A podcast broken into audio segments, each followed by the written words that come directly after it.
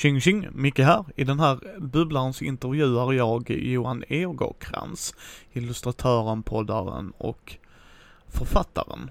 Så tack för det Johan att du ville vara med. Så jag vill börja med att säga varmt välkommen till Johan Egerkrans. Tackar. Du är ju, för, för folk som har missat vem du är, skulle du kunna förklara vem du är? If you've been living under a rock. Jag är illustratör och författare. Började min bana för Jesus, eh, 25 år sedan nu tror jag. Jag får mig att känna mig lite gammal. Men, men drog igång ganska tidigt. Jag, jag blev, började spela rollspel när jag var 10. Och det blev liksom drömmen att få, få jobba med typ äventyrsspel eller något sånt. Och göra, rita rollspel. Och när jag var typ 19 så lärde jag känna Johan Sjöberg och Stefan Ljungqvist som startade eh, Cell. Som var liksom, de var lite som utbrytare ur äventyrsspel. För äventyrsspel hade väl börjat knaka i fogarna lite då, vid den tiden. Eh, så de hoppade av och startade eget och gjorde ett spel som hette Gemini. Och då illustrerade jag och Peter Bergting det spelet. Så det var det första rollspelet som jag gjorde. Och det gjorde också att jag började jobba med de två. De startade sen ett dataspelsbolag som hette Idol. Så jag blev anställd som konceptillustratör för dem. Och så höll jag på med det ganska länge. Och sen så gick det putten efter ett tag. Och då gjorde jag och Stefan en barnbok som heter Taggtrådstim. som blev upplockad av ett förlag som fanns på den tiden som hette Richters. Som sen blev uppköpt och sålt och sådär, sådär som det är med förlag. Eh, så att de håller på går ihop i olika konstellationer hela tiden. Så efter ett tag så blev det Wahlströms. Och på Wahlströms så jag hade ett ganska nära samarbete med Wahlströms och min förläggare Maja Lindqvist pushade mig lite grann att jag skulle göra en egen bok för jag jobbade mycket med eh, jag gjorde omslag och jag illustrerade andras böcker och sådär. Men hon liksom bara, du, du kan väl göra något själv? Och jag ville inte skriva fiction för att jag kände att det fanns för mycket dåliga Harry Potter-kloner. Så redan, och jag kände att det enda jag skulle kunna prutta ur mig var en, en dålig Harry Potter-klon eller någonting sånt. Men, men jag ville liksom inte bidra ja, till floran av, av eh, medelmåttig barn och ungdomslitteratur. Eh, så jag, utan jag ville göra något som kändes bra, som passade mig. Och jag har alltid varit liksom, stått med ena foten i det konstnärliga, men jag har alltid varit, haft liksom en vetenskaplig sida också. Sådär som det kanske många nördar som känner igen sig i det. Och då kändes som en, en faktabok kändes som ett bra eh, sätt att gå för att göra en anglicism. Och då landade vi i att i, att göra Nordiska väsen efter mycket om och men. Eh, väldigt inspirerad av, även om det är en faktabok fast det är en faktabok om folk. Ja, det är liksom inte varelser som finns på riktigt, men eh, ja, en del tror ju det. Men, men de, konsensus är väl ändå att de kanske inte finns. Men, men den har ändå formen av en faktabok. Och, och liksom en djurbok eller en monsterbok också. Den är ju väldigt lik de här monsterböckerna som man hade i rollspelen som ju jag älskade när jag var eh, liten och fortfarande. Men, men den, ja, som en faktabok om, om svenska folktroväsen.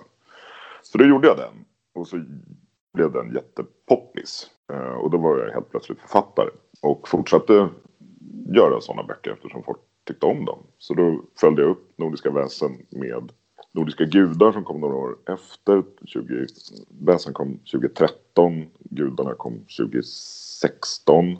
Och sen gjorde jag några riktiga faktaböcker också om dinosaurier. För att det har alltid varit, legat mig väldigt varmt om hjärtat. För det är liksom riktiga monster som faktiskt har funnits. Eh, och sen 2018 gjorde jag Det odöda. Och ja, det är väl det. De som det jag är känd för. Och nu, nu kom jag ut nu i dagarna så kom ju min, min version av Mio min Mio ut. Så nu får man väl anses tämligen etablerad när man får göra en sån grej. Ja, så det är jag. Men jag är författare och illustratör. Och, eller primärt illustratör men också skriver lite själv. Ja. ja, nu är det. Och under den här perioden ganska nära på att Nordiska väsen kom ut. Den, den, den fick ju rätt mycket uppmärksamhet och har ju blivit en, ja, lyckligt lottad och liksom verkligen gjort en bok som folk tagit till sig. Och det var ganska tidigt som märkte det att det här, det här var en, en, en hit. eller vad man nu ska säga. Och Fria Ligan approcherade mig ganska tidigt. De höll på och jobbade. De hade precis dragit igång ungefär där 2013 och hade börjat planera att göra deras MUTANT, eh, alltså MUTANT år 0. Men, men det var väldigt tidigt som de, de, vi började föra ett samtal om att göra ett rollspel på Nordiska väsen. För det fanns liksom inget sånt riktigt. Så vi har nog snackat om det i fem, sex år. Och projektnamnet har alltid varit Trollchock. för det var lite det vi ville göra. Som någon slags 1800-tals Call Cthulhu möter Selma Lagerlöf möter eh, Troll. Liksom. Så, så nu äntligen har det kommit ut. Så det är ja. en ganska lång, lång process faktiskt. Ja, ja det var intressant det. Uh... Ja, ett uttömmande svar. Ingen som helst fara. Nej. Men spelar du rollspel fortfarande? ibland. Eh, vi, vi, spelade, jag och några kompisar spelade Call of Cthulhu förra året. Och det var, det var faktiskt första gången jag spelade Call of Cthulhu. Så det, det var lite, för jag är ett gammalt Lovecraft-fan som Ja, inte helt, helt unikt. Eh, men, men, men, men jag har faktiskt aldrig spelat, jag spelade aldrig rollspelet när jag var liten. Så det, det, det, var, det var kul att testa på det. Vi körde något äventyr och sen började vi köra en kampanj och det blev lite väl segt för mig. Jag, jag märkte att jag är en ganska otålig rollspelare numera när jag är äldre. Att jag, jag, vill, jag ser det mer som ett spel. Jag vill liksom lösa mysteriet och komma vidare och inte rollspela så mycket. Så jag, jag blir lite irriterad när folk sitter och liksom spelar. Går in i sina karaktärer för mycket. Jag vill liksom bara, ja men kom igen nu. nu. Så jag spelar alltid ganska hetsig. Jag tar alltid någon slags hetsig ledarroll liksom. Som undersöker saker och, sådär. och, och liksom är orimligt nyfiken. Eh, vilket man på något sätt måste, måste vara. Framförallt i Call Cthulhu. Men problemet är att man dör då. Men får, man får liksom ta den. Eller bli galen då. Men, ja. eh, men, men, eh, men det, det var... Det, jag har inte spelat jättemycket rollspel på sistone. Men jag spelar, jag spelar lite Mutant År 0. Vi testade Genlam Alpha också. Det med de muterade djuren. Och, men, sen, men, men framförallt var ju det någonting man gjorde när man var yngre. Jag, jag började när jag var 10 eller 11 och eh, blev ju helt hooked på det, på det där. Och sen, sen ska det ju tilläggas precis som med Warhammer och liksom alla andra sådana där, den här sortens hobbys. I alla fall för mig så har det väldigt, handlat minst lika mycket om böckerna. Alltså man spelade ju rollspel men man läste ju böckerna ännu mer. Och, och, eller liksom skapade rollpersoner gjorde man nog mer än spela. Så det handlade ju väldigt mycket om, i, för mig det roliga med rollspel ibland nästan mer idén med att spela eh, snarare än att kanske göra det. Att det, liksom, det är att gå och tänka på de här världarna och att gå och tänka på karaktärer och monster och, och, och historier. Det, det, är nästan det som är det allra roligaste. Uh, idén om rollspelet är ja, på något sätt större än själva spelet. Eh, det kanske finns några som känner, känner igen sig i det. Det, det tror jag säkert. Det ja. tror jag säkert. Eh, men vilket är ditt favoritrollspel som du har spelat då? Gamla MUTANT. Det, det, det är svår, svårslaget. Det, det är en så jäkla mysig värld. Just den här kombinationen av men jag gillar muterade djur, jag gillar hela den grejen. Eh, det, det här märkliga postapokalyptiska 1800-tals världen som växt fram. Jag gillar att det, att det inte är så postapokalyptiskt utan att det är mer som en... Det, det hände för så länge sedan så det har väl växt fram en ny värld som, är, som ändå funkar men är, men är annorlunda. Och, och den är så knäpp. Det, det, var så roligt att läsa de här böckerna när man var liten med alla de här små parodierna. Det, alltså när man läste efter Ragnarök så finns det när de beskriver Hindenburg då som är huvudstaden i Pyri-samfundet som då är den liksom stora motsvarande Sverige eller vad, vad man ska säga i, i den världen. Men det finns alla de här små karaktärerna. Det finns någon uh, skvallertant som är, som är en muterad anka som heter Anka av skinka. Som har någon slags så här, Hänt Extra-tidning. Och, eh, uh, det, det, det, det, är så, det är så mycket sådana små fyndiga grejer. Det, det finns en, en humor, nästan lite studentikos humor i, i Gamla Mutant som är otroligt charmig. Som synkade väldigt väl med, med den perioden jag läste. Det här är ju tidigt 90-tal när jag spelade det. Även om MUTANT kom ju tidigare då. Det var ju 80-tal. Men, men jag spelade det kanske 92 eller något sånt. Och då höll man på och läste Galag och, och jag har alltid älskat David Nessle och alltså det, som också har den där underfundiga humorn. Det, det, var, det, var, det, var, ja, det, det, det, fanns, det, det är en humor som genomsyrar det som jag tycker är väldigt, väldigt charmig. Och sen gillar man ju den här. Att det utspelar sig här, det är väldigt roligt. Och att det är liksom svenska djur, att det inte är... Det är klart du kan spela en muterad tiger om du vill, men jag gillar den här. Ja, men det var alla drar upp liksom en älg med avsågat hagelgevär. Jag menar, men, men det är ändå en väldigt cool bild, en muterad älg som står i en sån här Bauerskog och slåss mot någon muterad insekt eller någonting. Just den här, vad heter det, juxtaposition heter det på engelska. När, när liksom två, två visuella element eller två element bryter mot varandra på ett intressant sätt. Det, det, den mutant är bara det, hela spelet. Och det, det är något väldigt, väldigt charmigt med det. Och sen, men sen gillar jag om, jag, om jag tittar på vad man skulle spela nu så är det klart att jag vill testa på att spela väsen. Men jag har också en längtan efter någon så här, så här klassisk fantasy. Så spela Drakar och Demoner eller eh, Svärdets sång eller något sånt där. Bara så här, något väldigt enkelt och det är bara en, en figur med, med rustning och ett svärd och sköld och så någon monster. Alltså, det, det, det, back to basics på något sätt. För det, ja. det, det, det, var liksom en period där i slutet av 90-talet, när, när, eller i mitten av 90-talet när spelen började bli så otroligt avancerade och tillkrånglade. Och framförallt de amerikanska med så här, Planescape och White Wolf gjorde Changeling och alla de här världarna som blev, det blev så otroligt krångligt konceptuellt. Och, och man, nu, är, nu är man rätt sugen på att gå tillbaka och göra någonting lite mer, ja, destillerat och, och enkelt helt enkelt. Ta bort allt det där lullet liksom. Ja, ja väl, välformulerat som vanligt.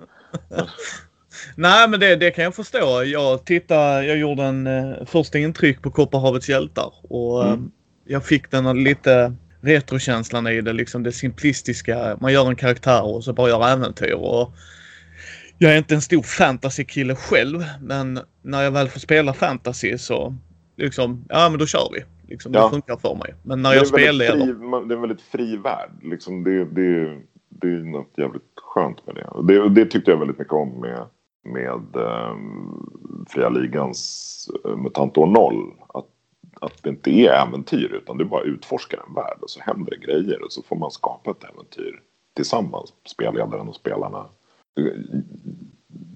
samarbeta liksom med att skapa äventyret på, på ett lite annat sätt än i ett annat spel som är väldigt skriptat. Där, där det finns en så tydlig kampanj där det verkligen är att det finns ett manus. Men det, det, det var väldigt charmigt och väldigt roligt. För det, det, det, storyn skapar sig själv då. Och, och just att det behöver inte vara en story. Alltså rollspel när de är som roligast tycker jag i alla fall är lite som sådana här liksom äventyrsromaner från i slutet av 1800-talet som Jules Verne eller något sådär. När man läser en världsomsegling under havet, det finns liksom ingen story. Det finns ett tema och sen bara händer det grejer i varje kapitel och sen kommer man vidare så att det blir mer. Var, varje, varje äventyr eller segment i liksom äventyret är ett litet kapitel och så liksom händer någonting och sen går man vidare. Och det, det är ganska episodiskt och det, det, det funkar. Det är på något på ett sätt så livet är också. Om man ska vara lite filosofisk. Men livet är ju ganska episodiskt. Det finns liksom ingen överhängande plott, på, plott för, för de flesta. Det, utan man bara går runt och gör saker. Det är ju så Conan är och alla sådana här klassiska fantasiberättelser. Ja. Men... Uh, ja. ja. Detta om detta. Ja. Spelar du brädspel? Ja, jag spelar brädspel. Och eh, figurspel. Det är väl det som jag har hållit kvar sen, sen den tiden. Så jag har alltid varit ett Warhammer-fan. Och det har jag liksom aldrig släppt eftersom det har den här konstnärliga delen. Att du sitter och målar gubbar och konverterar och sådär. Så det är jätte... Det älskar jag. Jag har en egen blogg och en egen uh, Instagram som heter The Convertorum. där jag lägger upp mina uh, ja, Warhammer och Warhammer Fantasy. Mest Warhammer 40K. Kom, kom, konverteringar och sådär. Jag, jag är lite inne i vad som kallas eh, ja, Inquisitor 28. The Ink 28 Movement. Som är, det är lite grim dark. Sitta och pyssla ihop sådana här gubbar som ser ut som de här, alla de här karaktärerna. Om du har sett ett omslag från Warhammer 40K så, så är det alltid liksom en stor maffig Space Marine i, i, i förgrunden som står och skjuter med något enormt vapen. Men i bakgrunden är det en massa krumma gubbar utan tänder som står och håller i olika pinnar och grejer. Eh, och dödskallar och, och är små konstiga cyborger och sådär. Som ser ut som någonting från en borstmålning eller brygelmålning eller något sånt där. Och, och den, det, det, den konst fokuserar väldigt mycket på liksom, ja men de här knasgubbarna här vid sidan av, vad, vad håller de på med? Och, och liksom bygga ihop sådana. Och sen ja. just nu, jag är mest Space Marines i alla fall. För Space Marines är jätteroliga att måla. Men, men, eh, men, eh, men, men jag är lite med i den scenen, eller vad ska jag säga. Ja, jag själv har, har spelat 40K och fantasy en mm. del. Jag var ju orkspelare back in the day. Ja. Uh, för att orkerna, det är liksom de sa, de är ju inte världens bästa. Du, läser du fluffet är de så assköna individer så det ja, finns inte. Ja, men det var orkerna jag fastnade för när jag började. När jag började. De var ju så, det var ju så fruktansvärt roligt skrivet uh, där, ja men tidigt 90-tal. Men sen nu har ju de tyvärr blivit mer barbariska och, och tråkigare. Men, men de var ju så sjukt roliga när, när, man, när man började. Och så otroligt snygg. Paul Bonner gjorde alla teckningar då också. De, han, är ju så, han är så duktig så att man får ont i magen. Så det orkarna var min första kärlek i 40K som drog in mig i 40K. Men sen med senare år så har jag nog börjat gilla den här, alltså själva imperiet. Tycker jag är väldigt, det är en väldigt fascinerande skapelse faktiskt. Med kejsaren och inkvisitionen och allt det här. Det, det är så löjligt mörkt. Alltså det finns ju en humor i det också. Men det är mycket svartare humor. Som väldigt, väldigt 2000 AD-aktig. Väldigt Judge Dredd. Liksom den här svarta engelska cynismen, cyniska, nihilistiska humorn. Och det, det, det, det lockar mig också. Det, men men det, det, det är en väldigt häftig värld. 40K är nog en av mina absoluta favoritvärldar överhuvudtaget. Ja. Det, det är liksom ja, men hjält, de som är hjältarna inom kaninöron. Det finns ju inga hjältar. Det är en del av poängen med hela världen. Men, att, men även om Space Marines ofta liksom framställs som eller Adeptus Astartes som man ska vara petig. Ja, uh, man inte men, kunde trademarka Space Marine. ja, precis. Uh, men, men, men även de, jag menar, de är ju på något sätt nominellt hjältarna. Men, men, men Imperiet är fortfarande hundratusen gånger värre än rymdimperiet i Star Wars. Och de är fortfarande typ de goda. För det, det är det bästa som finns i den världen. Vilket är, jag menar, rymdimperiet, kejsarens rymdimperium i Star Wars spränger en planet. Imperiet i, ja, i, i 40K gör det är liksom bara det är en vanlig torsdag liksom. Det gör de innan kaffet liksom. Det, det, alltså det är så jäkla mörkt. Och på en skala som det finns liksom, det är få världar som har den skalan som 40K har. Det, det, det är väldigt, väldigt häftigt. Och, och ja, tyvärr har de tappat det lite grann nu. Nu har det blivit mer ett löpande narrativ som handlar om massa karaktärer som på något sätt slåss och, och sådär. Så det är liksom, den världen har krympt på något sätt. Det, vilket är lite tråkigt. Det har blivit mer en vanlig värld som är mörk i och för sig. Men, men den, den liksom påminner mer om andra fiction-världar. Den har blivit mer som Star Wars där det egentligen alltså, det utspelar sig i en enorm jättestor galax där det kan hända vad som helst. Men det handlar bara om typ fem pers. För det är liksom bara Skywalker-sagan som, som gäller. Och det har blivit lite mer så i, i 40K. Vilket tyvärr är lite tråkigt. För det var inte det så det var för. Ja, detta om detta. Men vad spelar du för brädspel då? Jag spelar Eldritch Horror lite då och då. Jag kommer aldrig ihåg hur man ska sätta upp det. Men det har jag lyck lyckligtvis kompisar som kommer ihåg. Men jag får alltid panik och typ måste gå ut ur rummet när, alla de här korten ska läggas, ja, läggas ja. ut. Nej, men jag bara, jag bara, nej, jag orkar inte. Jag, jag, jag, jag går på toa eller någonting. Liksom. För jag får krupp av det. Men sen när det väl är, när det är klart och man drar igång och spelar så tycker jag det är jätteroligt. Och så spelar jag spelar ganska mycket Catan har jag gjort på sistone. Jag köpte Star Trek Catan som har lirat. Oh. Det är jätteroligt. Det, det, egentligen är nog vanliga Catan ännu roligare för det är liksom mer intuitivt. Det är lättare att relatera till trä och lera och de här andra liksom, varorna som man liksom ska samla på sig. Det, det, det är mycket lättare att relatera till liksom sten än dilithium eller triluminium eller vad det nu heter. Det blir väldigt abstrakt ibland med Star Trek Men å andra sidan är det sjukt snyggt. Och eh, den, de har lite så bonusmekanik som gör att det är lite roligare. Det blir lite mer eh, liv i det. Så det, det, det, det, har vi spelat ganska mycket. Det, det gillar jag. Och sen, ja, några kompisar spelar Seven Bonders Och det har jag lirat en del med. Där glömmer jag också alltid bort reglerna. Jag, kommer aldrig, jag, jag måste liksom komma igång varenda gång. Måste jag liksom påminnas om mekaniken. Jag, jag har dåligt minne för mekanik. Jag är inte så, jag är ingen meta-torsk eh, liksom. Det, det, är ju, det är ju det som blir lite så intressant. Uh, liksom, jag kan tänka mig det. För jag, jag tror, om jag killgissar här nu Johan. Du kommer ihåg illustrationer antar jag? Mm. Mm. Och, och världen.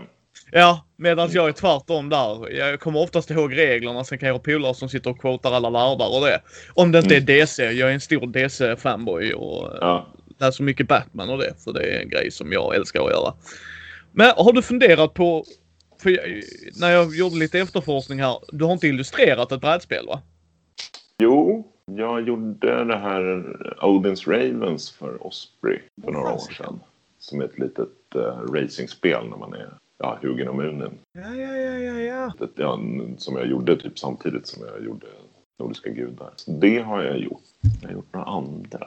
Nej, men det kan vara något på gång också, men det kan jag inte prata om. Ja, nej, det, jag är med spänning för jag älskar dina illustrationer. Ja.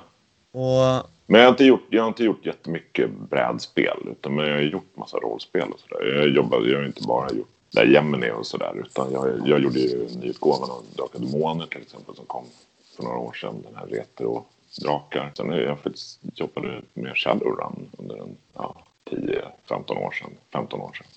Jag gjorde några Shadowrun-moduler. Eller Shadowrun, de jobbar ju sådär att de har typ tio tecknare till varje modul. Och så gör man fyra illustrationer istället för att liksom ha en tecknare. Men, men, men jag var med i några moduler kanske med, bidrog med ja, fem, sex teckningar till varje. Eller något sånt. Men. Nej, men, rollspel har jag gjort en del. Ja, ja men väsen, rollspelet då såklart. Eh, men, men, men eh, som kanske vi ska prata om. Men, men, men, uh, men nej, jag kommer inte på några fler brädspel som jag har gjort. Så rena klassiska brädspel. Nej men alltså det, det är ju jätteintressant att du har gjort, att du har missat detta. Jag älskar ju dina illustrationer. Jag kan ju säga det här på Owners Raven att jag, jag vi har, ja. gjort några, vi har gjort några så små barnspel på mina dinosaurieböcker också i och för sig. Jag efter. Så vi har gjort med och kommit ut med ett kortspel nu precis. Som är som, ja, typ löjliga familjerna fast du samlar på tuffa dinosaurier och andra djurtidsdjur ah. istället. Så det, men som är ett ganska enkelt barnspel, men det är ändå, det är ändå rätt kul. Det, så det är som, precis som Löjliga familjerna, fast varje familj då, och då menar vi familj inte i vetenskaplig betydelse, i, i liksom kladdistisk betydelse. Det är tre kort tror jag, så det är lite snabbare. Liksom. Ja. Men, men det är det. Det, det är jättecharmigt. Det är dinosaurier och andra urtidsdjur, tror jag det heter. Men vad, vad föredrar du att göra om vi tittar i spelvärlden? Liksom rollspel eller brädspel? Alltså, alltså att när jag håller på att pyssla själv eller menar ja. att illustrera? Eller, eller illustrera nej, det, liksom? Ja men det är väl kanske rollspel tror jag. Alltså det, du är inte lika styrt. Det handlar ju mer om att illustrera en värld. Eller. Och sen är det väldigt kul att göra concept art och sånt där till, till, om man, till figurspel och sånt. Det, gjorde jag, det jobbade jag jättemycket med när jag höll på med, med Cell då. För vi gjorde ju ett eget figurspel. Eller flera figurspel. Så det, det är jättekul att liksom ta fram de här olika fraktionerna och lagen.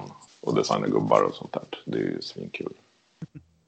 Ja. Med, Medan brädspel blir ofta att man ska designa en spelplan och så där. Det blir lite... Det är ofta funktion före form på, på något sätt som kan bli rätt mäckigt. Liksom. Du ska sitta och försöka, eller det, det ska ju vara funktion och form. Men, men, men det är ofta ganska krångligt att, att få ihop det där på ett snyggt sätt. Det, det kan jag tänka mig. Det är ju helt andra premisser där. Ja. Du, du, du skrev ju Nordiska väsen. Eh, jag har läst den. Den är ja. fantastisk. Jag kan inte rekommendera den nog för folk. Och sen köpte jag Nordiska ja. gudar och Det odöda. Uh, de är riktigt, riktigt, alltså det är så jag skulle vilja ha det. Det är sådana böcker jag kommer spara till mina framtida barn. För att det, det, är kort fakta, ändå lite historia bakom och sen otroligt snygga illustrationer. Um, så att det, hatten av till dig Johan. Um, Tackar. Men hur... Jag menar, jag på säga, man kan ju vada i den historiken hur mycket som helst. Jag älskar ju mytologi jättemycket. Jag har lyssnat på det, podden du gör. Och den mm. är ju fantastiska 20-30 minuters avsnitt. Ja, och men liksom... det är liksom- också ganska kort och koncist. Ja men precis. Och, My, och det... Mytologier heter podden för övrigt. Ja, jag... Absolut, absolut. Jag kommer länka allt där. Jag har lyssnat igenom till dagens datum. Ja. Allt. Och jag, jag bara, alltså hur har jag missat denna? För att du, du gör ju lite... Varit ute, den kom ju i våras. Så den har ju bara funnits i ett halvår. Så det är inte konstigt. Nej, men det är fortfarande, jag älskar mytologi. Just att det är någonting med människor. Uh, alltså hur du beskriver det är, för det första har du jättebra radioröst. Uh, så du, du lyckas fånga stämningen. Tack, tack, tack, tack. Nej men du lyckas fånga liksom stämningen.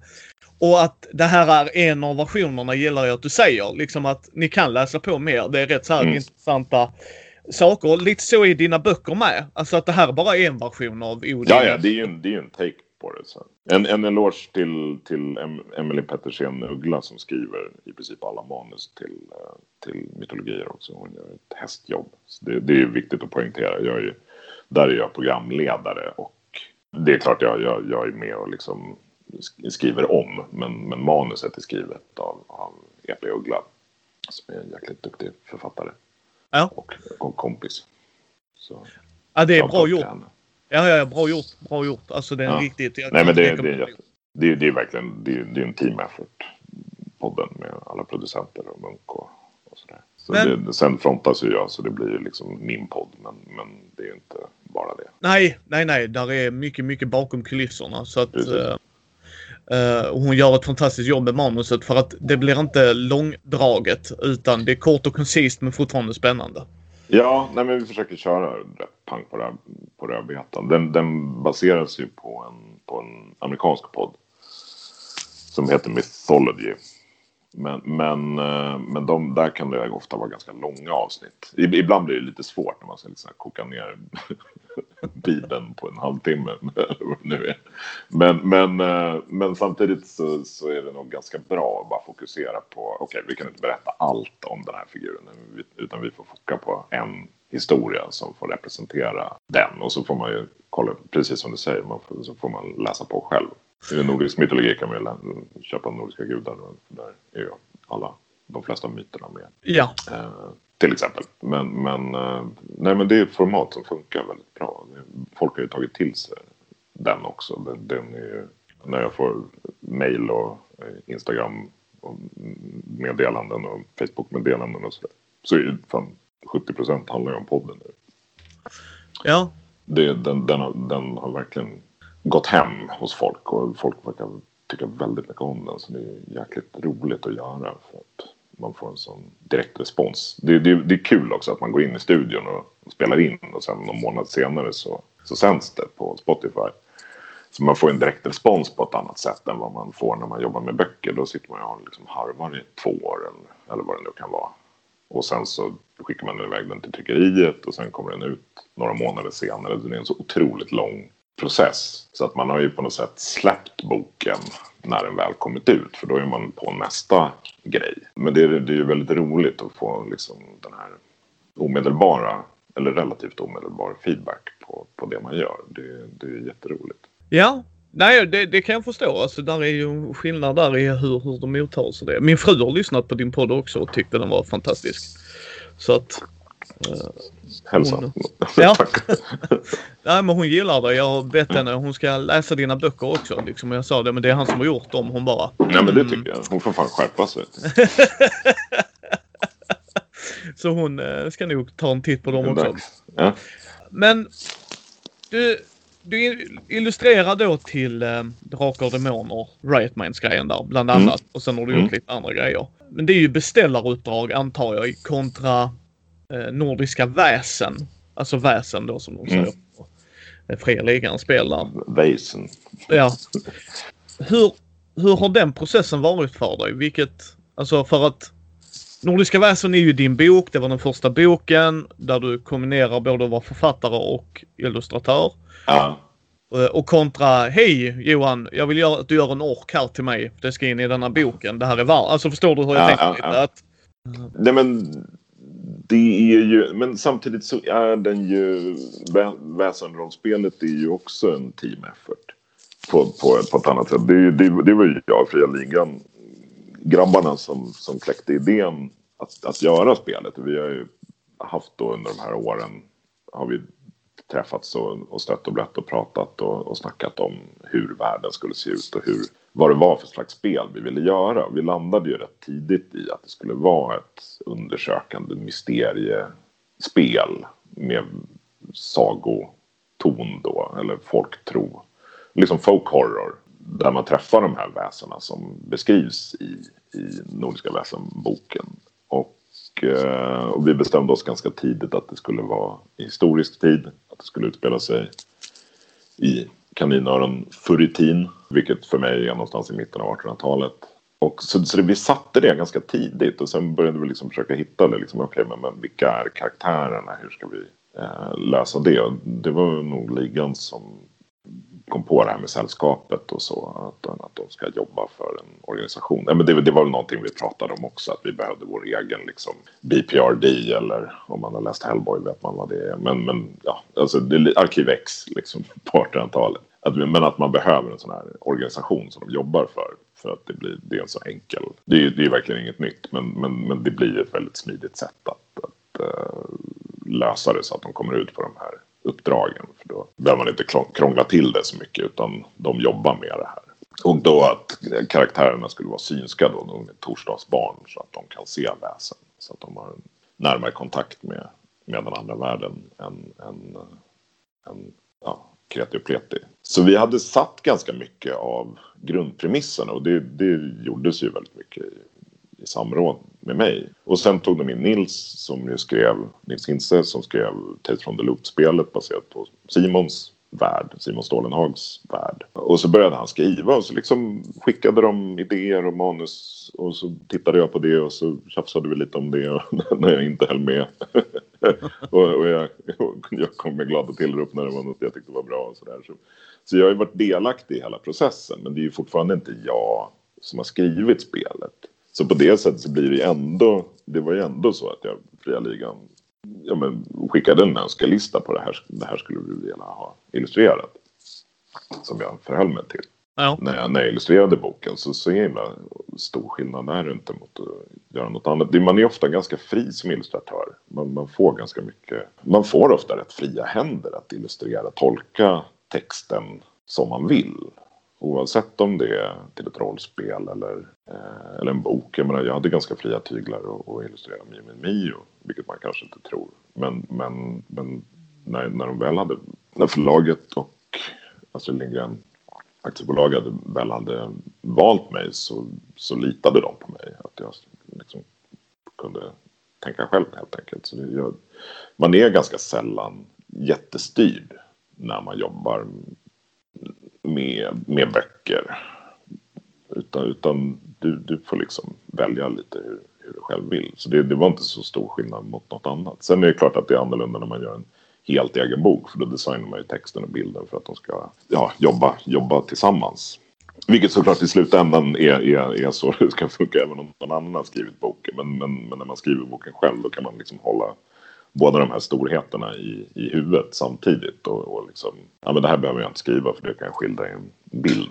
Så man, man, man kan, och tvärtom. Det här, det här är jobbigt att teckna så det, det skriver jag bara. Så, eh, tusen cyklar i en kurva, jag kanske inte behöver rita det. Utan det ja, du vet. ja.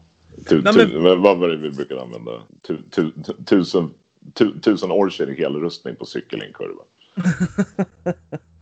Nej men för jag tänker mig, du, du har en, för övrigt Nils Hintze, fantastisk människa. Jag har intervjuat han också. Och det är sjukt roligt att höra hur hans process går till. Eh, och, men det är där jag tycker också blir roligt för du har ju skrivit dina egna böcker. Men du har ju också illustrerat andras. Får du läsa de böckerna då eller är det beställningsjobb bara? Det här är vad jag tänker mig. Kan hjälpa mig? Om jag gör en hel illustrerad bok, en, en illustrerad bok, då, då läser jag ju texten såklart. Eh, det, det, det, då måste jag ju sätta mig in i texten för, för att få karaktärerna rätt och för att få med saker som kanske bara antyds i texten men som jag kan antyda i bilderna eller kanske göra ännu tydligare i bilderna. Om det bara är ett omslag då kanske jag får mer en synopsis och ja, en, en beställning mer. Bara gör en älg, älg mot ljus eller, eller vad det nu kan vara. Men, men, men är det, är det hel, en hel illustrerad utgåva då, då måste man ju läsa texten och sätta sig in i, i, i boken och gå och tänka på den. Läsa den ganska många gånger och, och eh, göra lite anteckningar och sådär. Ja, men hur illustrerar du? Alltså använder du teknik? Är du old school eller är du mittemellan?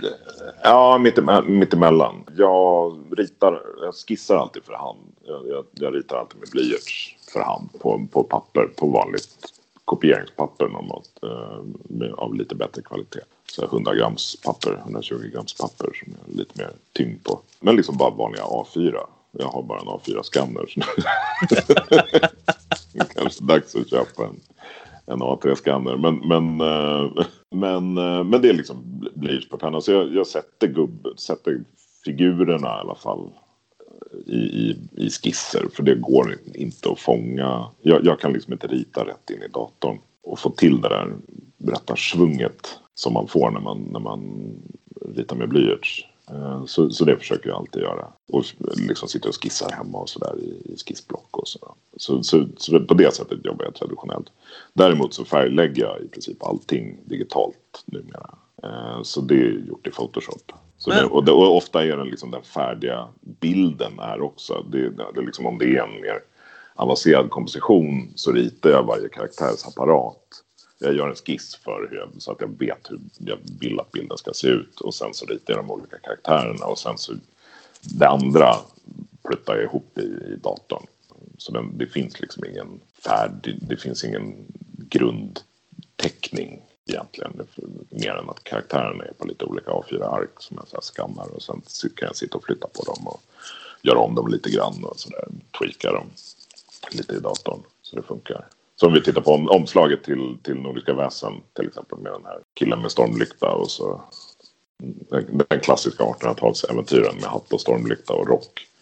Och det här monstret som tittar fram bakom stenen. Då är ju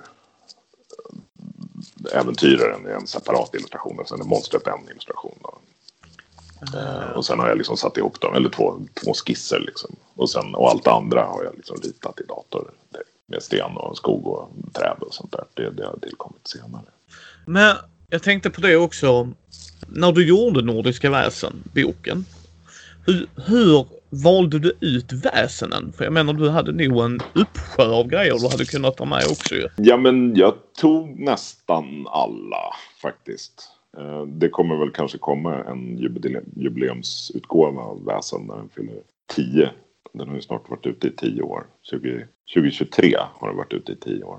Vilket är helt galet. Men, men eh, jag tog med de flesta väsen som jag kunde hitta. Det, det är några, alltså det är mest, den borde egentligen heta svenska väsen. För det, det är klart betoning på, på svensk folktro. Vi har också ett otroligt bra material att utgå ifrån här. Eftersom de gjorde de här sägenuppteckningarna i eh, i slutet av 1800-talet, början av 1900-talet och lite under 1700-talet också. Så det finns så himla mycket sägner bevarade här så de, det är väldigt lättillgängligt. Det är bara att gå till Nordiska museet och titta i det här arkivet. Och så finns, det finns ju arkiv, sådana arkiv över hela landet men Nordiska museet här i Stockholm är, är, har ett otroligt fint sägenarkiv. Så det är väl mest svenska väsen, vilket jag skulle väl änd vilja ändra på i, i eh, en, om jag gör liksom en utökad version av, av väsen där man får med ja, samiska väsen, finska väsen. Så att det verkligen är hela Norden. Utan det är liksom norska och svenska och danska väsen primärt. Isländska väsen skulle man ju få in också. Det, det finns ju en hel del isländska alver och draugar och allt vad det nu är. Så, så det, den, den är avgränsad på det sättet. Men däremot så är det nog, det är väl de flesta klassiska och några lite mer unika väsen som, som, som man hittar i Sverige. Det är med några undantag. som kanske då kommer med i en senare bok. Men, men jag har försökt få med det mesta. Det finns några så här, typ som Brunnsgubben som jag inte tog med för att den verkar inte som att vuxna har trott på utan det var, det var ett sånt väsen som man bara använde för att skrämma barn med. Men, men det var inga vuxna som trodde att den fanns och då, då, då vill inte jag ha med den för att då finns det inte så mycket sägner berättande om den eftersom de, de flesta av de här varelserna är ju ändå varelser som, som folk faktiskt har trott på. Typ. I alla fall berättat, berättat sägner om. Och de, de har ju berättat, det är ju som råttan i pizzan historier fast på den tiden. Att, ja, men det, jag hörde att det fanns en näck där. I, ja, den, den bäcken två socknar bort eller vad det nu är. Det är alltid, det är, de här sägnerna man läser om så är det ju väldigt ofta just som sådana här råttan i pizza historier. Att det liksom hände en, en kompis till en kompis. Eller någon som dog eller någon som har dött eller något sånt där. Så att det, det går ju aldrig riktigt att bekräfta. Det, det, ibland är det självupplevt också. Men då är det ofta lite enklare historier. Då är det mer att det är inte det här narrativet liksom. Utan då är det mer att här, jag såg en, eh, ett knytt. Jag, jag såg en vätte. Ja, det var typ det. och så sprang jag därifrån.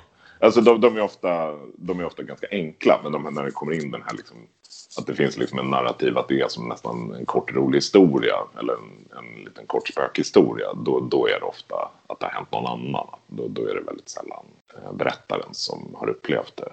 Utan de, de, de, de självupplevda sägnerna är ofta bara väldigt korta, enkla möten. Och sen ska man inte, sen var det inte så att alla gick omkring och trodde på det där i, i, i förr i tiden på 16, 17, 1800-talet. Men, men, eh, men det, utan det var ju precis som det är nu. Det finns ju fort folk som tror, på, tror att de har träffat rymdvarelser och som tror på rymdvarelser och det finns folk som inte tror på rymdvarelser.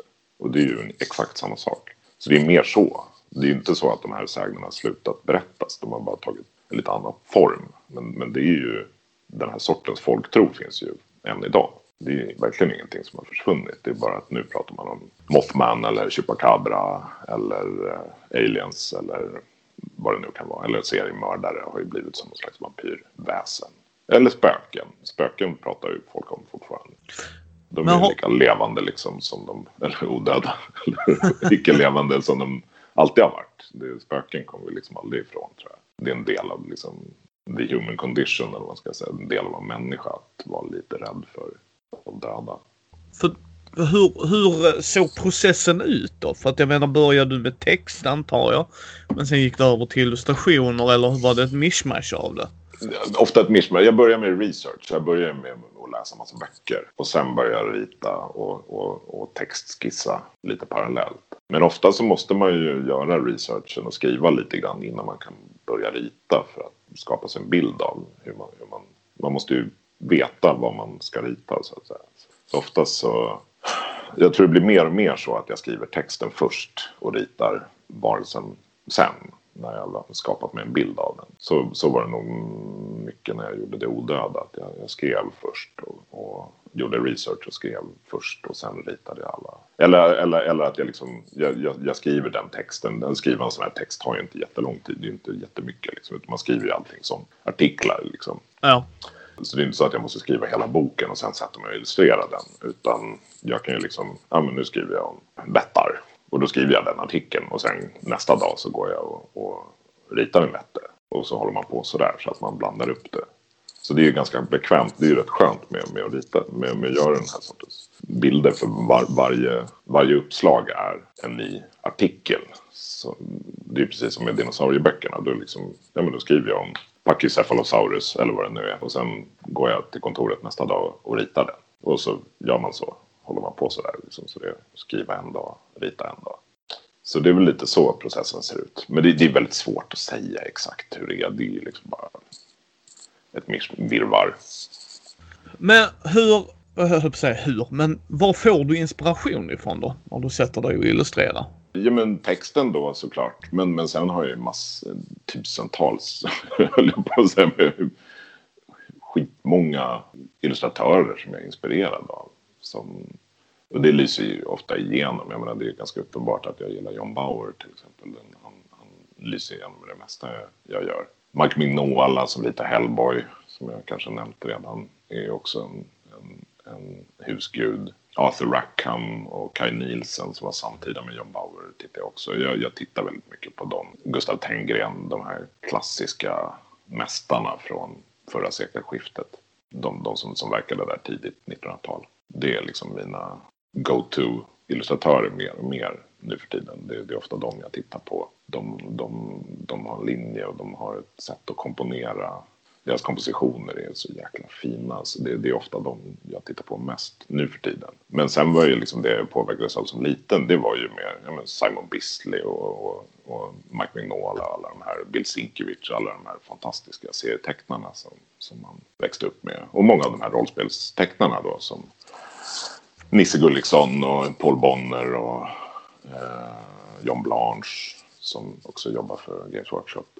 Alla de där. Det är ju allt möjligt. Och så, som moderna illustratörer som Claire Wendling och eh, Terrell Bitlatch som är en jätteduktig creature designer som, som jobbade på Star Wars-filmerna.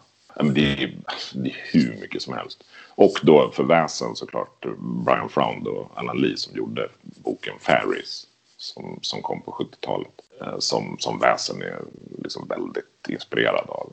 Jag försökte göra lite samma grej fast i en, i en nordisk kontext då, istället för en, en, en brittisk kontext. Så ja, Brian Froud är han som designat Labyrinth och Dark Crystal. Oh. Ja, ja, ja. Men vad tycker du är roligast med att just illustrera? Alltså vad är det som är så göttigt med det så att säga? Eh, jag, jag vet inte, jag har bara alltid gjort det. Det är jättesvårt. Det, det, jag gillar att rita. Det, det är inte så mycket mer krångligt än så. Alltså det, det är mitt sätt att uttrycka mig. Jag har alltid tyckt om att försöka... Ja, men, det, det är roligt att försöka fånga någonting på papper. Att, att stilisera någonting som finns på riktigt eller inte finns. Och, och försöka fånga det bara med några bly. Det är rätt häftigt att man kan fånga någonting med några små blyertsstreck liksom på ett papper. Och så bara, nej men det där är en häst. Och att vi människor funkar så att vi att vi ser att det är det. Alltså det räcker med att göra en cirkel med två prickar och ett streck så är det ett ansikte.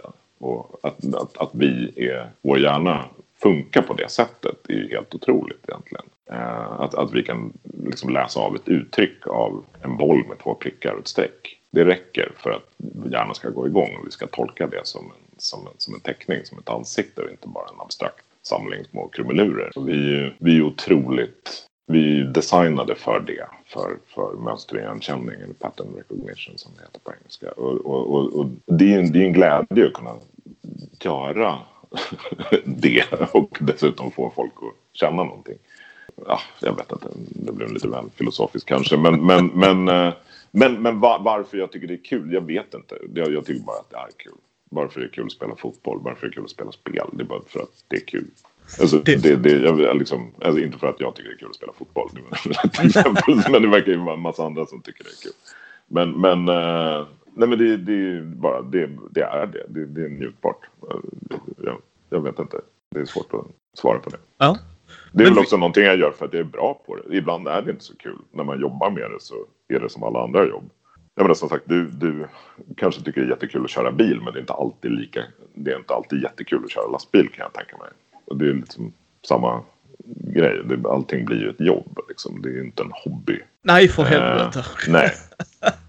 Och så fort det inte är en hobby så är det, det så är det ett jobb och då är det inte alltid så himla njutbart. Utan då är det kanske, ibland ritar jag ju inte för att det är kul utan jag ritar för att jag är bra på det. Ja.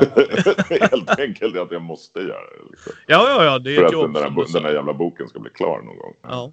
Så, så det är inte att jag bara sitter och så här glatt skrattar hela tiden. Utan det är ju en tung, jobbig process. Det, är precis, eller, det spelar ingen roll, till och med hobby kan vara jobbig. Det är just, just när, man målar, när man målar gubbar så är det ganska roligt att att lyssna på hur, folk, hur jobbigt folk ofta tycker det är att måla gubbar. För det är ganska tungt ibland. Och, och så ändå sitter man och gör det för det är så jäkla kul när den är klar. Men, men själva processen kan vara rätt seg. Ja. Men det är, det, det, det är något tillfredsställande med det. Och det är väl samma med att teckna då. Det, det kan också vara ett jäkla harv.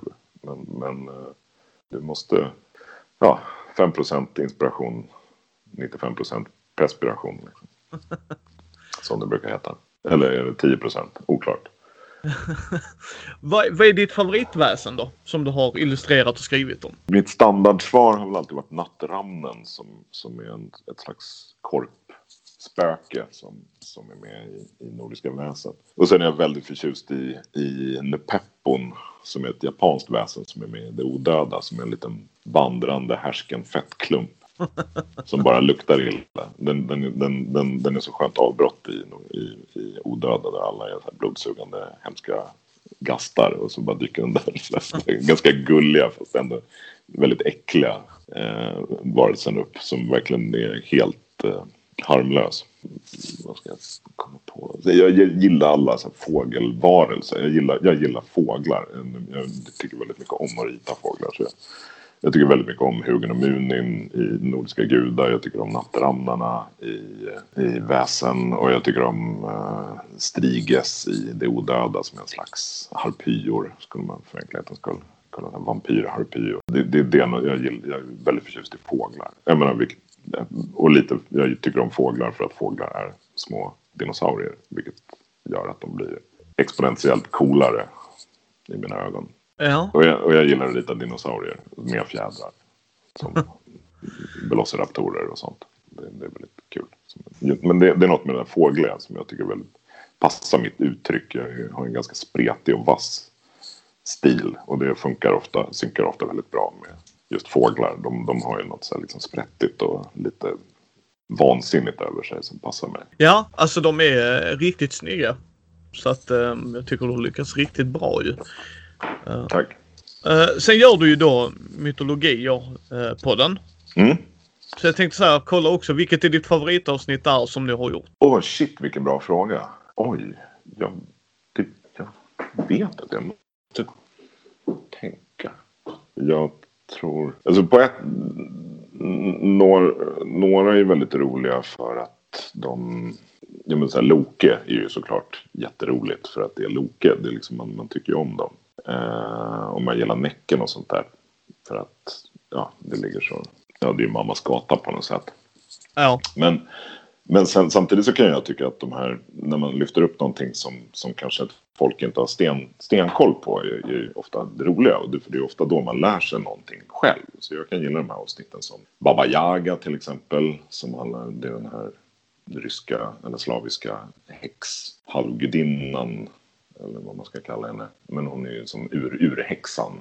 Liksom, det är liksom alla Pomperipossors moder på något sätt. Som är den här, en, en häxa som bor djupt inne i skogen i, i en stuga med kycklingben. Som ofta agerar som någon slags hon är livsfarlig, hon äter barn och, och, och, och, är rätt hemsk på ett sätt. Men hon är också en hjälpare, så hon, hon hjälper ofta unga flickor då, i sagorna som som hamnat i trångmål. Så lite motvilligt liksom hjälper hon dem. Så hon är ett sånt där, ett väsen som egentligen är farligt, som egentligen nästan är ond, men ofta verkar som blir en, en god kraft, en hjälpande kraft i just den här berättelsen. Den sortens karaktär tycker man alltid väldigt mycket om i, i fantasy. De här man vet att liksom den här draken är inte schysst.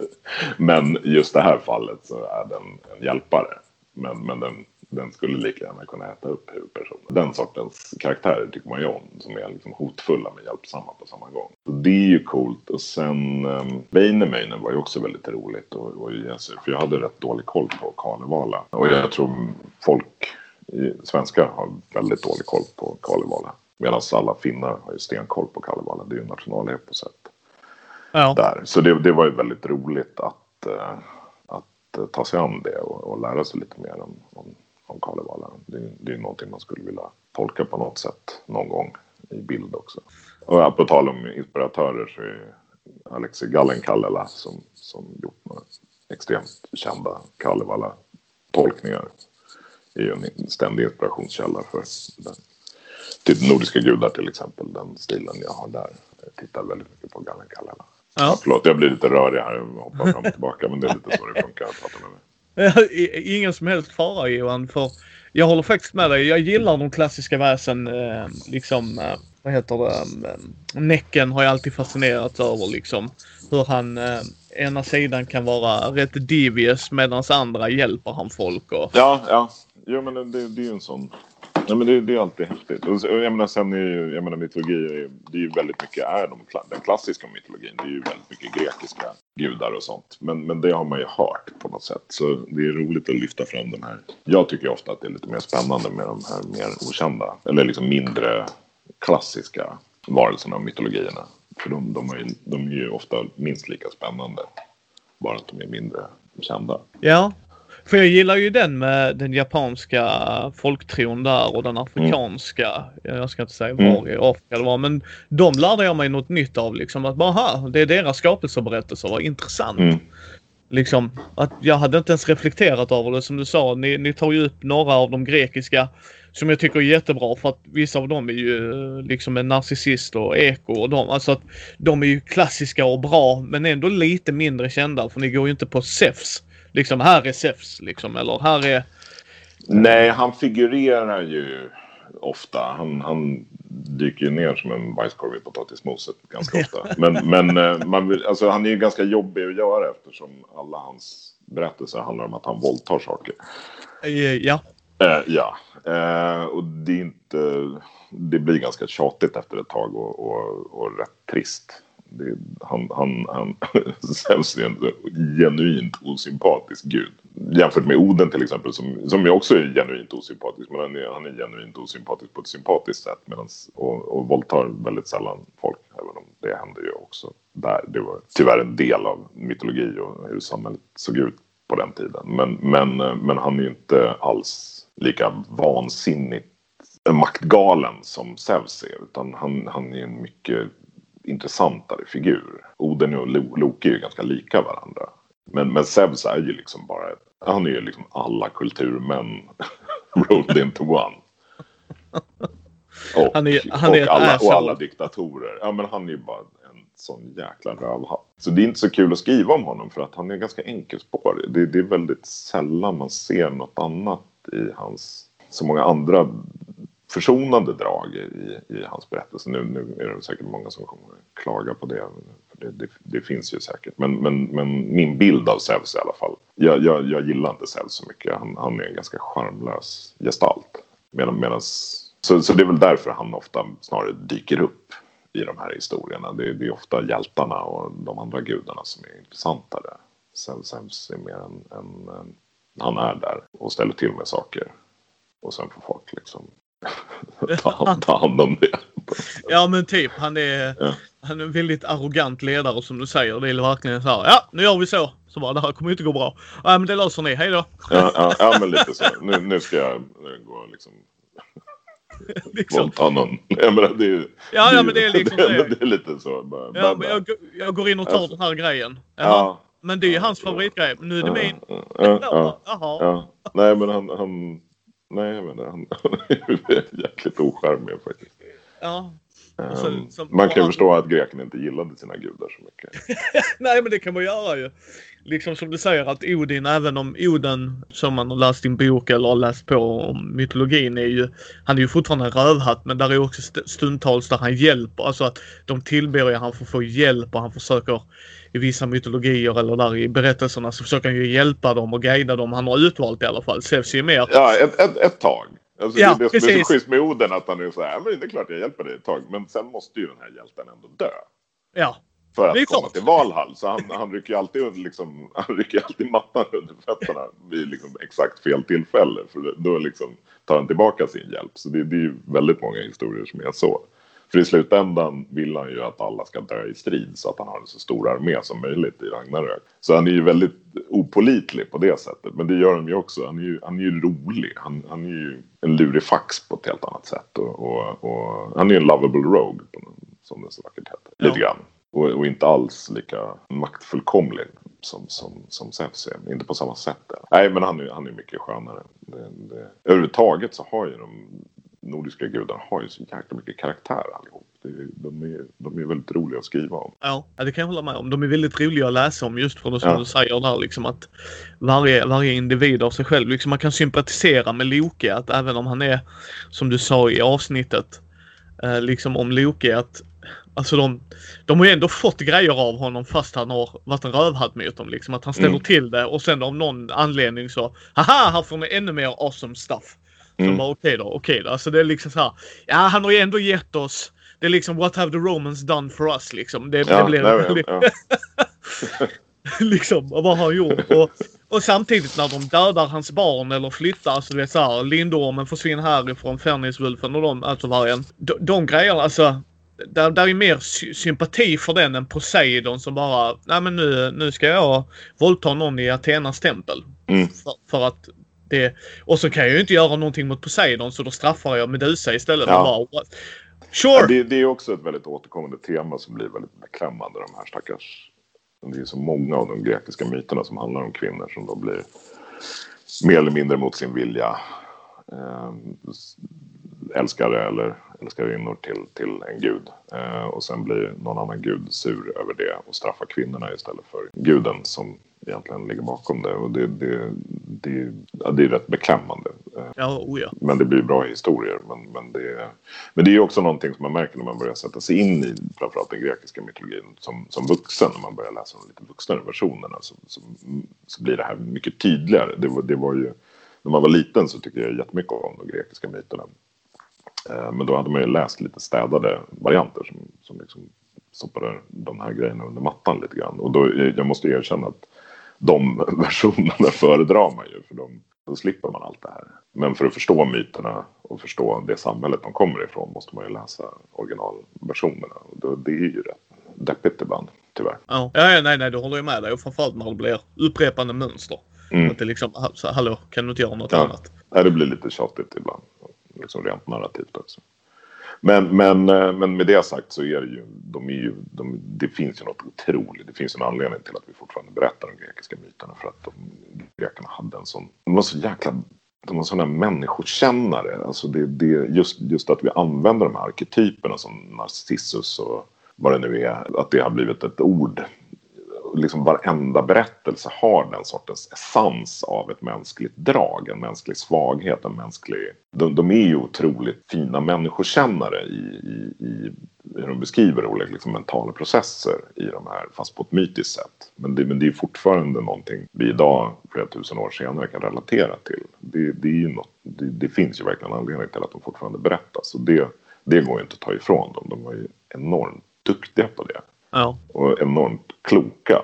Så, och det, det, men det, det gäller ju alla myter, men, men de, de grekiska, det är ofta lite lättare att bena ut vad de handlar om. Medan andra myter, eh, till exempel de nordiska, de kan ju ofta vara lite mer surrealistiska. Det är lite svårt att avgöra exakt vad, vad, vad det handlar om. För att det händer så mycket sjuk, sjuka grejer, vilket gör att de är väldigt roliga berättelser. Men det är lite svårare att avgöra igen, vad, exakt vad en viss myt handlar om. Det, det, det, är svårt att göra det till ett, eh, till ett adjektiv. Liksom som narcissist. Eller ja. okej, okay, narcissist är ett substantiv, men narcissism då? Eller? Ja, du förstår vad jag menar. Alltså, ja, ja, ja, ja. De, de, de, de, de är mer drömska. Det, vilket i och för sig är det jag tycker väldigt mycket om just med till exempel den, den nordiska mytologin. Att de är som drömmar. De fungerar ofta enligt en drömlogik. De är som någon slags mytiska lynchfilmer med mer ringbrynjor. Ja, nej, nej, men jag, jag, jag, håller med. Jag håller med. Jag tänkte vi skulle avrunda lite så jag tar inte hela din dag här, Johan. Nej, vi har nog snackat ganska länge. Oj, vi har snackat över en timme. um, jag tänkte jag skulle avrunda med två, två frågor här om det är okej okay med dig. Um, yes. Vad, vad, kan vi förvänta oss av att se mer av dig nu i framtiden som du kan prata om? Ja, men just nu är det ju väldigt mycket kring kring, kring lanseringen av Mio Min Mio såklart. För det är ju en rätt stor grej för mig. så. Det, det, är inte varje dag man får illustrera Astrid Lindgren. Så det, det kommer ju vara ganska mycket om det. Vi har en utställning på seriegalleriet här i Stockholm på Söder. Och det är en lite annan en utställning på Akademibokhandeln som sen kommer flytta till Stadsbiblioteket här i Stockholm också. Och, eh, men sen så kommer jag dyka upp lite, det är lite tidningsartiklar och intervjuer och sånt där. Så jag kommer dyka upp på TV4. Och sen nu i helgen är det ju digitala bokmässan också. Så då kan man lyssna på mig ha ett samtal med Helena Billnis bland annat om, om eh, att illustrera barnböcker helt enkelt. Och sen lite senare i höst så kommer min fjärde paleontologibok ut som heter heter Triceratops och andra ceratopsier. Så det är en dinosauriebok då som handlar om ja, det titeln säger. Men jag gjorde en bok som kom förra året som handlar om T-Rex och andra tyrannosaurier. Så där, som en liksom, uppföljare till den då som handlar om den. Triceratops och T-Rex var ju liksom klassiska antagonister. Så jag har liksom valt att skildra Triceratops då och den gruppen dinosaurier den tillhör. Ja. Så det är horndinosaurier då, de här ceratopsierna med de stora. Eller Triceratops och andra horndinosaurier heter de faktiskt. Ceratops är lite svårt att uttala kanske.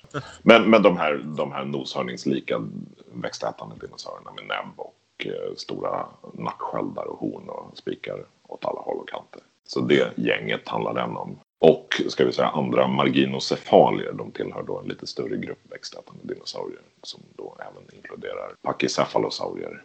Som är de här med stora benhjälmar på huvudet. Som de antagligen stångades med på ett eller annat sätt. Så det var lite som dåtidens jätter eller något sånt.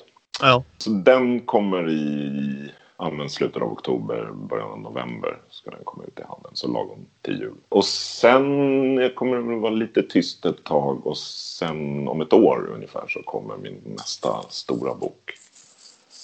Eh, I samma serie då som Väsen och Nordiska gudar och Odöda. Som, Det ser vi fram emot. kommer handla om drakar Åh, från världens alla hörn. oj, oj, oj, oj. Ja, där är jag taggad. Extra taggad. Ja, men den, den kan nog bli rätt. Den känns som den kommer... Nu, genom en rollspel så kommer man nog tycka om den boken. Så det är också, det, det kommer ju, det är mytiska drakar. Eh, folk, folkloristiska drakar. Så det är liksom inte så här, isdrake och kölddrake och elddrake och Nej, nej. Dragon och sådär. Utan det, det, det är liksom riktiga drakar. Eller vad man ska säga i alla fall. drakar folk har trott har funnits. Jo, men det är ju det som är intressant ju. Det är det jag gillar med det. För att, Ja, det är ju, grund, det är ju grunden till de drakarna som sen växt fram i fantasygenren. precis, precis. Och sen tänkte vi skulle avsluta med om någon vill börja illustrera, vad har du för tre tips till dem? Gör det. alltså, eh, nej men, ja men det är ju att, alltså det är ju bara att sätta sig och rita. Alltså det är ju, det är ju tyvärr som med alla andra grejer. Det är som eh, om du vill starta ett band, ja då får du nog lära dig att spela gitarr eller lära dig sjunga först. Så, så man måste ju, man måste ju sitta och nöta och rita. Det man ser, jag menar jag har ju ritat sedan jag var två och hållit på jättelänge och det har varit en ganska lång, långsam process att jag stadigt sakta men säkert blivit bättre. Det man märker när man tittar på, om man tittar på forum och sånt där, det är ju hur snabbt det kan gå att lära sig rita om man verkligen tar det seriöst och bara sätter sig ner och chattar. För då, man kan ju se sådana här folk som bara, ja men jag började rita 2017, då plockade jag upp en penna och började testa och så är de bättre än vad jag är nu för att de har gjort alla tutorials, tränat på perspektiv, tränat på anatomi, verkligen suttit och nött och, och gått från att knappt kunna dra ett rakt streck till, till ja, liksom internationell toppnivå. Så det är ju väldigt inspirerande och deprimerande.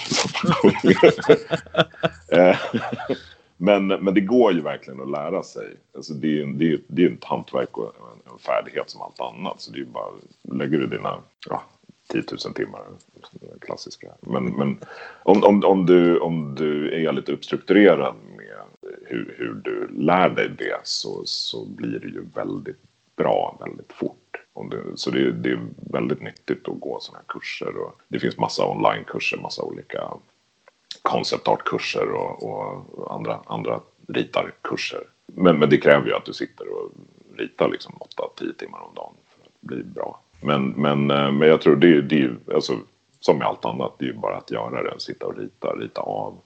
Inte vara orolig för att du inspireras av andra utan bara rita av det andra har gjort och, och, och kolla, rita av foton och rita av anatomi och titta anatomiska böcker och bara rita så blir det ju bra. Jag tror, Ja. jag tror i princip alla, alla kan lära sig att teckna. Det, det är ingen liksom magisk gudagiven förmåga som man har. Eh, utan de, de flesta kan bli bra på det. Precis som jag tror de flesta kan lära sig spela gitarr. Mer eller mindre bra. Sen är det klart att en del har en viss för...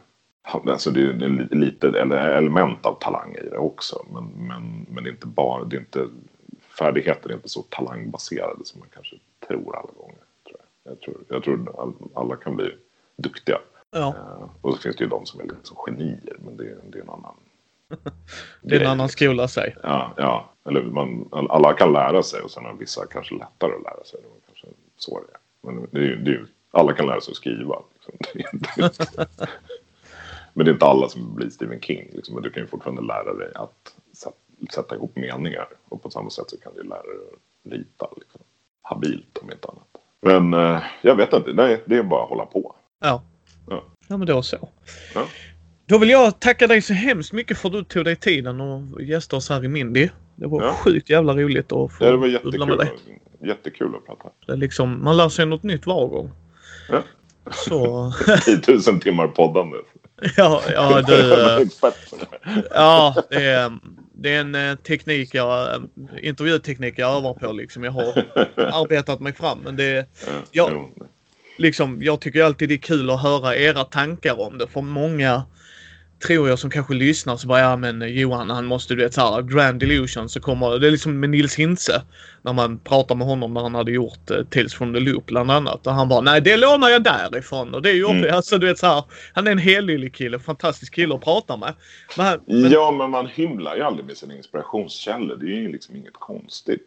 Det är ju så det funkar. Det är inget sker i ett vakuum. Det är inte så att man bara sitter på någon, någon elfenbenstorn och liksom bara får idéer uppifrån på något sätt. Utan man, man, man inspireras ju av massa saker. Det är, sen liksom är det, jag brukar likna det vid att man är som en, man är som en köttkvarn. Och så liksom alla inspirationskällor man har, allt man, all media, all kultur man upplevt kommer ner i tatten liksom. Och sen så kommer ut en, en, en, en korv i andra änden. Och, och liksom korv, korven, det är min korv. Men det är fortfarande gjord av delar av massa, massa andra saker. Jag håller med. Det är liksom en ny korv. Men... men tack så hemskt mycket eh, Johan. Ja. Tack för att ni har lyssnat på Mindys bräd och rollspelspodd. Ni hittar oss på mindin.nu eller på Mindys bräd och rollspelspodd på Facebook, Twitter, Instagram, Youtube. Lämna gärna betyg på iTunes och på vår Facebook-sida så fler kan hitta oss. Vill ni stötta oss så ta gärna en titt på vår Patreon så hörs vi nästa vecka.